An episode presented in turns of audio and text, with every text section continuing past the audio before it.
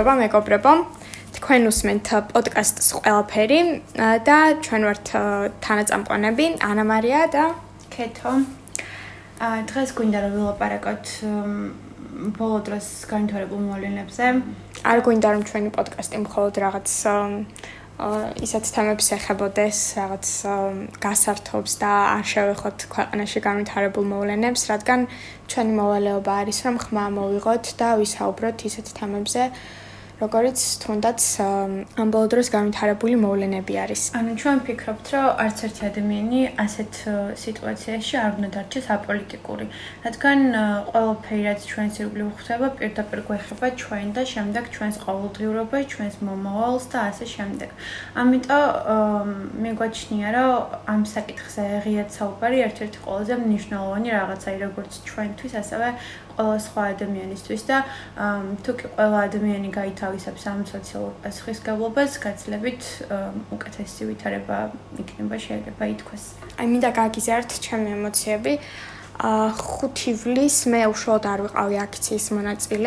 ვადენოდი თვალს ტელევიზორიდან და აი გული მიკუდებოდა. ლექსოს კადრი, როდესაც დავინახე, მაშინ არ ვიცოდი ეს ოპერატორი იყო თუ ვინ იყო, უბრალოდ დავინახე, რამდენად ცუდ მდგომარეობაში იყო, თვალი რამ მდგომარეობაში ქონდა და აი ეგ იყო იმ დღის პიკი და ცრემლები ძლივს შევიკავე, უკვე იმდენად ემოციური გახდა, იმდენად ემოციებში ჩავარდი, რომ აი რაღაცის მოქმედება მინდოდა და შემდეგ დღეს აქციაც იყო მშვიდობი მშვიდობიანი აქცია თავისუფლებისთვის და რა თქმა უნდა წავედი, მაგრამ იქაც ძალიან საფათო სიტუაცია იყო. და ხალხი ამბობდა რომ ანუ 5 ივლისს რომ ყოფილიყო იმდენი პოლიცია, რამდენიც 6 ივლისს იყო, ან და რამდენიც ქართულ ოცნების ოფისს იცავდნენ, ანუ იმ დღეს რამდენი პოლიციაც იყო, რომ ყოფილიყო 5 ივლისს და რომ მიეღო სახელმწიფოს ხელისუფლებას ის ზომები, რომ არ ყოფილიყო ძალადობა, მაშინ ესეთი სიტუაცია ნამდვილად არ იქნებოდა.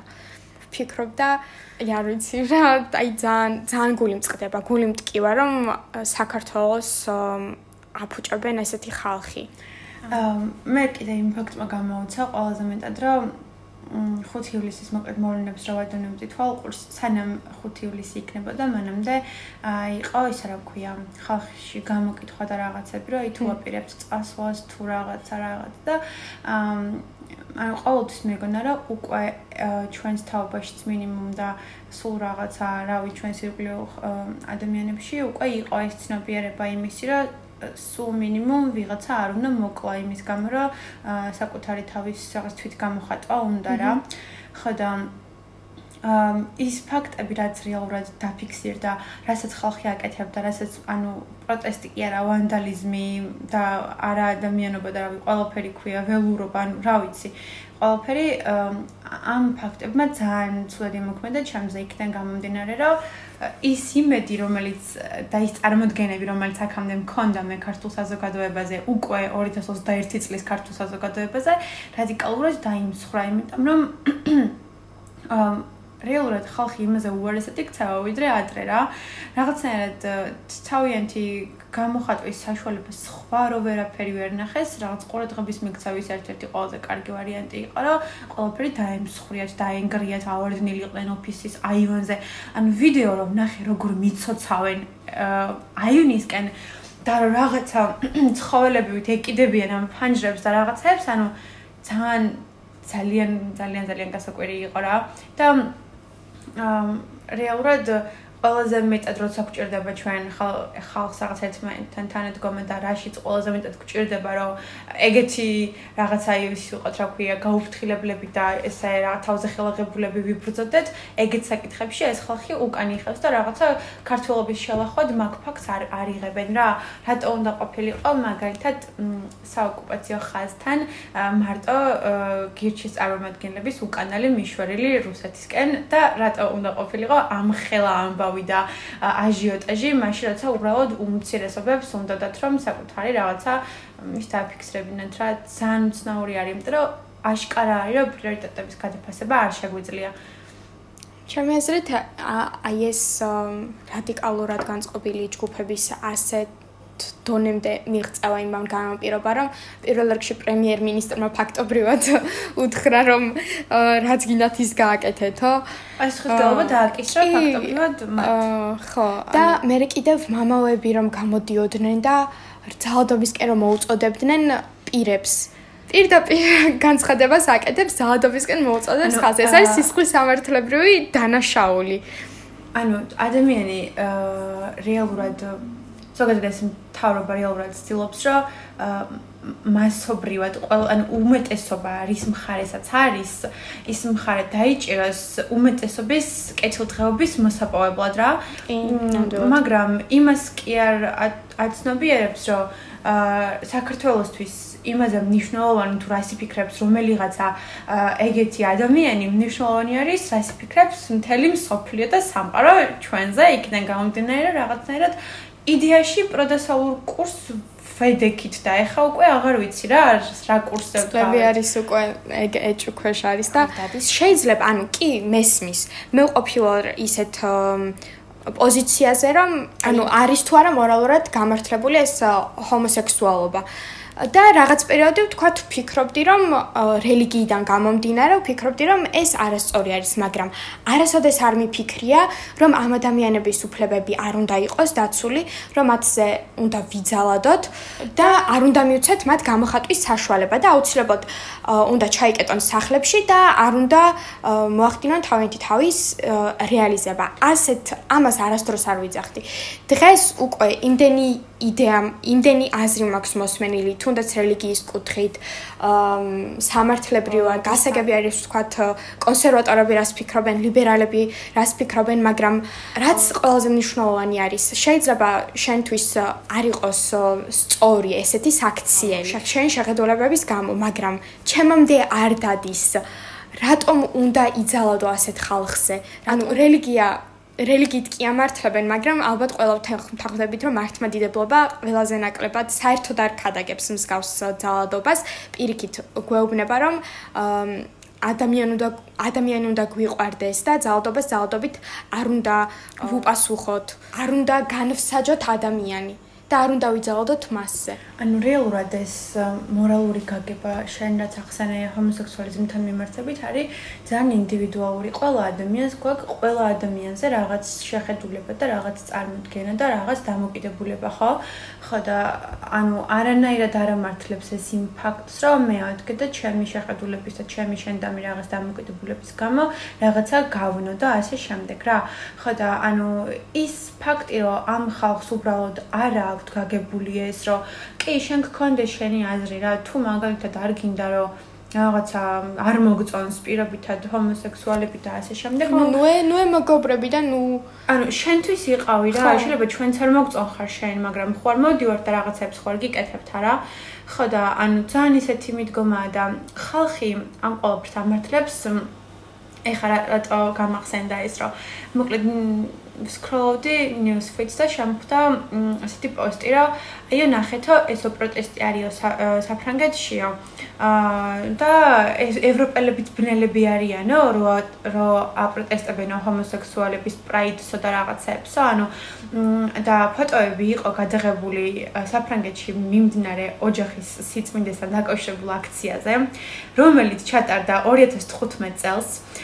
იყო უბრალოდ არა ოჯახის სიწმინდის როგორც ქალისა და მამაკაცის სიწმინდის ოჯახის სიწმინდის არამედ ზოგადად ოჯახის ფენომენის სუროგაციის და ამგვარი საკითხების პროტესტი იყო უბრალოდ და ზუსტად უბრალოდ 2014-ში ჩატარდა, იმიტომ რომ ზუსტად ერთი წლით ადრე იყო, რომ საფრანგეთმა დააკანონა გეი ქორწინება თავისი შვილის აყვანითურთ რა.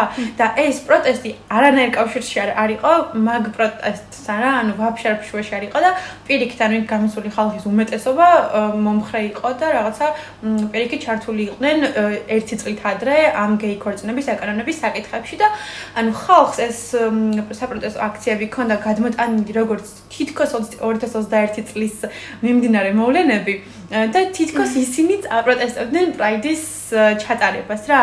და კომენტარები იყო რაღაცა მამა პაპურის აძღეგრძელოები რომ ვაიმე ყოჩა ღამ ხალხს და აი თქვენი ევროპა რო იძახთით რომ რაღაცა და ევროპელებიც ან ევროპელებით ზომავენ თითქოს რა. ხო და ესე რა ქვია თუ კი ევროპელებით ზომავთ აი ევროპელებს უყურეთ ესე ინტერპრეტესტებენ ან რაღაც ესეთი სისულელეები და სამწუხაროდ გაზიარებული ქონდა ჩემს ერთ-ერთ ნაცნობს შორეულს და ალბათ თავიდან იმ მიზეზით ქონა გაზიარებული რომ მას ეგრე ეგონა. რომ ეგ იყო მაგრამ შემდეგ ბევრი ახსნისა და რაღაცების შედეგად მივიდა იმ დასკვნამდე რომ არა ეს უბრალოდ იმიტომ გააზიარა რომ თვითონაც ეჩვენებინა რომ ეს არასწორად ქონდათ გაგებული ეს პროტესტი და მოკლედ ძალიან სირცხვილი არის რეალურად ეს ფაქტი რომ ადამიანები ვცდილობენ რომ ერთმანეთს დაარწმუნონ რაღაცებში ყალბი ფაქტების მოგონებით იმიტომ რომ იციან რომ არ არის ეს გამართლებული და თვითონ ის დამნაშავე რომელსაც მიუძღვის წვლილი იმ მოვლენებს რომელიც ეხა არის მიმდინარე სახელი და გვარი აღარ მახსოვს იმ ბიჭის ვინც დააკავეს ეხა რა ლექსოს მკვლელობის გამო რეალურად. აა ამბობდა რაღაც დღეების წინ რომ რამბავი ატეხეთო ჯერ რომ ისიც არ არისო რა სიკვდილის მაჩვენებელიც არ არისო ჯერო და რა არისო რა? ანუ ამ ანუ ადამიანი მაინც მაინც უნდა მოკვდეს რა რაღაცა გავაკეთოთ რა?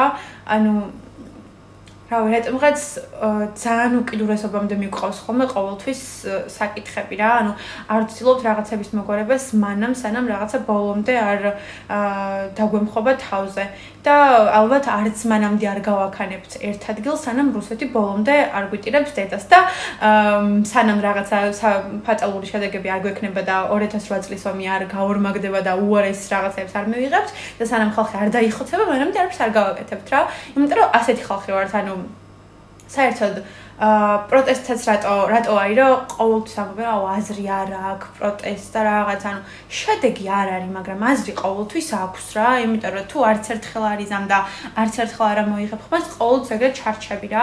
ხო და შესაძლებელია ანუ დღევანდელი სიტუაციებიც რაც არის ზუსტად იმისი გამოძახილია რომ ხალხს კიდია რა საერთოდ ყველაფერი და ანუ გონიათ გონიათ კი არა გაზდით და მაგით ვაკეთებენ თორე. ეს რა ისეთი სახელმწიფო იყოს რაც არავის არაფერი არ გაუვა და ყოველს როს თავისი დანაშაულის ამ საკითხი მოეკითხებოდეს პროსტო ვინ გავედავს ეგეთ რაღაც გაკეთებას. უბრალოდ იციან რომ გაუვათ რა იმიტომ რომ სახელმწიფოს ის რა ქვია მთავარი ტიპი გამოდის და გეუბნება რომ პასუხისგებლობა აიღე შენ თავზე ანუ არც არ დაგიცავა. ხო პირდაპირ გეუბნება. გამოხატვის თავისუფლება თუ კი იმათ აქვთ და შენ რატო არ უნდა გქონდეს და როცა ითხოვ რომ დაი დამიცავი რომ გამოვხატო ჩემი აზრი არაო ფაქტობრივად გეუბნება რა. ძალიან სამწუხარო რეალურად იმიტომ რომ ყველა იძახის რომ რაღაცა საქართველოა და აქ ეგ არ გაგივათ და რაღაცები და რაღაცები. ანუ ამერიკის საელჩომ გამოაქვეყნა განცხადება და ვციტირებ ლექსოს მიერ კოლეგის დაცვისას გამოვლენილი სიმამაცე და მისი ერთგულება ფუნდამენტური თავისუფლების მიმართ, რასაც ოდითგანვე აფასებენ ამ ქვეყანაში, წარმოადგენს ქართველი ხალხის საუკეთესო თვისებებსა და ტრადიციებს. და ეს ნამდვილად წარმოადგენს საუკეთესო ტრადიციებს ქართველებისას და არა იმ რადიკალი ჯგუფების მიერ გამოვლენილი ძალადობრივი ქმედებები. მოკლედ ხა ეს რაღაც გამახსენდა რა. ველოპარაკებოდი ერთ-ერთ ასაკოვან ქალბატონს და რაღაცაზე წავიდა ეს პოლიტიკური საუბრები და მე ისევ ჯერ სანამ პრაიდის ამბები იქნებოდა 5 ივლისამდე ხდება ეს ამბავი და მოკლედ მეუბნება რომ ეხაო ძალიან მომრავლებულია ეგო, ეგეთ ჰომოსექსუალიზმიო და ჩვენ დროსო კაცო ეგეთიო სად იყაო რა, ამდენი ჰომოსექსუალი სად იყაო და ვეუბნები რომ ქალბატონო შენ დროს მეთქი ლექსის აწერა იკრძალებოდა ცენზურა იყო რაღაც ვერ გამოაქვეყნებდნენ და ვინ და განახებდა მეთქი ამ ჰომოსექსუალს ხო რა ხო და არა ორო რას ლაპარაკობ მართლა არისო და მეთქი როგორ არისო შენ არ გეუბნებოდნენ და არიცი მეთქი იმიტომ რომ იმდენი რაღაცა არიცი თქო გიმოლოდნენ თქო რას რას შეხედავ იმას გიკონტროლებდნენ თქო რას შეჭამდი იმას გიკონტროლებდნენ თქო რამდენ შეჭამდი იმას გიკონტროლებდნენ თქო და ეხა იმას დაგანახებდნენ ქვეყანაში რამდენი ჰომოსექსუალი იყო თქო ხო და ანუ ეს ყველაფერი რეალურად იმდენად ამ ყველაფერზე იმდენად მივაწექი რომ ეს არის ცოდი ის არის ცოდი ვაფშე სადაც გაიზარდე რეალურად ყველაფერი გაკონტროლებადია თქო და შენ რაც ანუ დღეს ახლა რაც თქვენ ხართ თქო იქაური პერიოდის პროდუქტია თქო რა და ანუ რეალურად მაგას ვეუბნებით და მე მივხვდა რომ კი შეიძლება. ჩემს ირგული ანუ ახალგაზრდობაში ჯერ არ მინახია თქვა ვინმე რომ არასწორ მხარეს იდგეს და ეგ ძალიან מחარებს მაგრამ ამავდროულად ერთ-ერთმა ჩემმა მეგობარმა პირდაპირ მითხრა რომ რას უნდა ვშვებოდეო რა იმაზე ვფიქრობ რომ ამ ქვეყნიდან გავიქცეო და მეც აი 5 ივლისის მოვლენებს რომ ადევნებდი თვალს, აი ინსტინქტი იყო პირველი რომ აი რასაკეთებ ამ ქვეყანაში, რა გინდა, რატო ხარ, რატო ინგერო ცხოვრებას, მაგრამ მე იმედი მაქვს ჩემი თაობის, ახალგაზრდობის და მე არ მინდა რომ მარტივი გზით წავიდე და უკეთესი, რადგან უკეთესი ცხოვრება შეიძლება ავიწყო უცხოეთში, ამის გამო მარტივი გზა ავირჩიო. მე მინდა რომ საქართველოსში დავრჩე და ვიბრძოლო ჩემი უფლებებისთვის და საქართველოს უკეთესი მომავლისათვის. და ეს ადამიანებიც იმიტომ იბრძვიან, რომ უნდათ საქართველოსში დარჩენა და არ უნდათ მარტივი გზით უცხოეთში წასვლა, სადაც პატივს სცემენ და დაიცავენ თავიანთ უფლებებს. ანუ ყველაზე სასაცილო თუ შეიძლება რომ ამას ეწოდოს ფაქტი მთელი ამ პროცესის მანძილზე იყო ის, რომ ყველა ადამიანი აა რომელიც ნაცემი დაშავებული და რაღაცა შევიწროებული არის, ყველა არიან ჟურნალისტი, ან უბრალოდ მოქალაქე, რომელსაც არანაირი კავშირი არ ქონდა აა ან ან პრაიდის წევრი არისო, ამის თქმა მინდა. და პრაიდის წევრებიც არიან დაშავებულები. ანუ ძალიან უმცირესობაში არიან რეალურად რა. ანუ ამ ხალხმა თავისი ბრაზი ვინც ხელში მოყვათ იმაზე ანთხიეს რა. და ეგ არის მთელი პოინტი აქ. რომ ანუ იმედენად ძალადობისთვის იყვნენ გამოსულები წინასწარ გათვითცნობიერებული ძალადობა, ანუ წინასწარ და ეს მგლები რო კიდე მოუწოდებდნენ რაღაცებისთვის. იმდენად წინაწერ განსაზღვრული იყო, რომ უკვე ვეღარ აკონტროლებდნენ თავს და ვინც და რაც ხელში მოყვებოდათ, ყველაფერი გადათელეს, გაანადგურეს, გავახეს რაღაცა, ანუ მოპედით რომ ადამიანს გადაუვლი, რა ვიცი რა. ანუ მე მართლა რატომღაც მართლა მეგონა, რომ ამ პრაიდს ქონდა პოტენციალი, რომ სულ მინიმუმ ასეთი კატასტროფული შედეგების გარეშე ჩატარებული იყო რა. და შესაძლებელი იყო ახლა რა თქმა უნდა მე ვიცოდი რომ აქ რაღაც კონტრაქციები და რაღაცები იქნებოდა მაგრამ სახელმწიფოსგან დაცვას მაინც აა ველოდებოდი იმიტომ რომ არც ერთი სახელმწიფო არ ანუ ვერც ერთ სახელმწიფო ვერ მოახერხებს თავისი მოქალაქეებისთვის რაღაც ზოგადი ცოდნა შექმნას, მანამ სანამ თვითონ სახელმწიფოს სამართლო ორგანო არ აიღებს საკუთარ თავზე იმის პასუხისგებლობას, რომ ეცნობიერება აამაღლოს და ეს რაღაცა კურსი შეცვალოს. და როცა სახელმწიფოს წარმომადგენლები და მთავრობა შენ არ გეხმარება იმაში, რომ იყო შემწყნარებელი, იყო ტოლერანტი, იყო რაღაცა გამგებიანი, ვერაზროს თავისით ეს საკითხი ვერ მოგვარდება რა. იმიტომ რომ ხალხი, ანუ თაობები იზრდება ხდებიან ისეთ გარემოში, სადაც ყოველთვის ისმის ჰომოსექსუალიზმის გინება და რაღაც და რაღაც. ანუ ძალიან არასწორია რა. სულ მინიმუმ რა ვიცი, არა მთელი ძალები უნდა მიემართათ ამ მცირეს ჯგუფების დაცვისკენ 5 ივლისს და ყველაფერი ძალიან მშვიდობიანად და კარგად ჩატარდებოდა რა. მაგრამ ვინ იზრუნოს თავის იმაზე რა ქვია, როგორ გამოჩნდებიან ხალხის თვალში. მოკლედ ძალიან სამწუხაროა რა. და რა ვიცი, ფაქტები იმედი მაქვს რომ მომავალში აღარ მოხდება და სიმართლე რა გითხრა ძალიან დიდი დაჭერდება ამ ყველაფერს საქართველოსთვის რომ პრაიდი ჩატარდეს ისე როგორც უნდა ჩატარდეს და ნორმალურად. რადგან ჩვენს თავებაშიც არის ძალიან ბევრი ჰომოფობი ადამიანი რომელიც იდეაში შეიძლება რაღაც მომენტში თავის აზრს არაფიქსირებს, იმიტომ რომ იცის რომ ირგვლივ სულ რაღაც ტოლერანტები და შემწყნარებელი ადამიანები ახვევეთ, მაგრამ როცა ერთ-ერთ ერთჩები ხოლმე და რაღაცა, მე მაგალითად ბევრი ადამიანისგან მომისმენია რაღაც ამგვარი დამოკიდებულება და მე ძალიან მიტყდება ხოლმე რომ მეთქი ანუ კაი რა ახალგაზრდა ადამიანი ხარ და ანუ რატო? გასაგებია ხა შეიძლება რომ არ გინდოდეს რაღაც მხრივ ანუ ყველას ეს ხო ძალიან ინდივიდუალური არჩევანია ხა ვერ ეტყვი ყველას რომ რაღაცა შენ მაგალითად რომ ნუ ნუ იქნები ჰომოფობი და პირობითად მაინც და მაინც ადექი და რაღაც ამ ადამიანებს ემიგობრენ რაღაც ეგეთი ქენი ანუ ძალიან ინდივიდუალურია და ინდივიდუალური გადაწყვეტილებაა მაგრამ ანუ ჯერ ეს ერთი ისიც ადამიანია. ანუ რას რას გიკეთებს რას გიშავებს ანუ არაფერს. და სულ მინიმუმ რაღაცას მაინც ნუშავებ რა. რატო უნდა ეშინოდეს ადამიანს გამოსვა ქუჩაში იმის გამო რომ შეაფურთხებენ ან რაღაცა ეგრე. და სიუჟეტი რა იყო, სადაც ჟურნალისტმა გადაიცვა ან ტრანსის პანჩი რა იყო და ანუ წვენს არაძლებდნენ რომ ეყიდა და ანუ რაღაცები რა ანუ ძალიან ამორალური რაღაცები ხდება ერთი სიტყვით და იმედი მაქვს რომ ეს ყოფილი გამოსწორდება და იმედი მაქვს რომ ამ აქციებს რაღაც ცოტა შედეგი მაინც ექნება რა.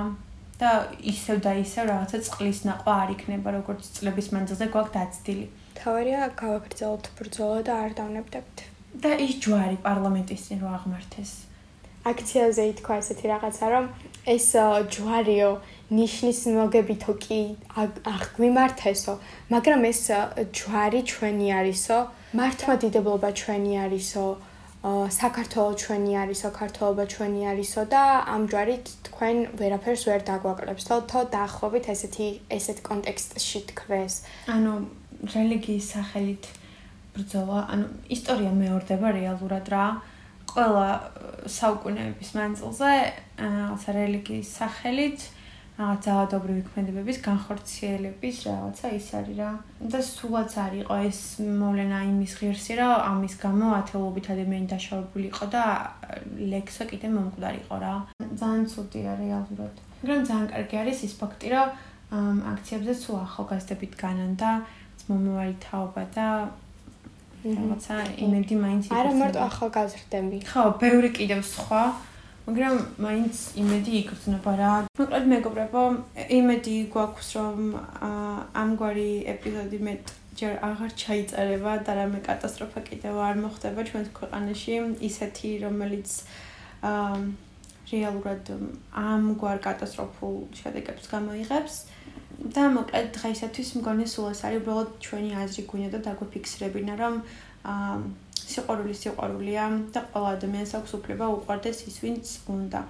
და შესაბამისად ჩვენ მაქსიმალურად უნდა ვეცადოთ რომ ყველა ადამიანის უფლებები თანაბრად დავიცვათ. და ხო დღეისათვის სულ ეს არის.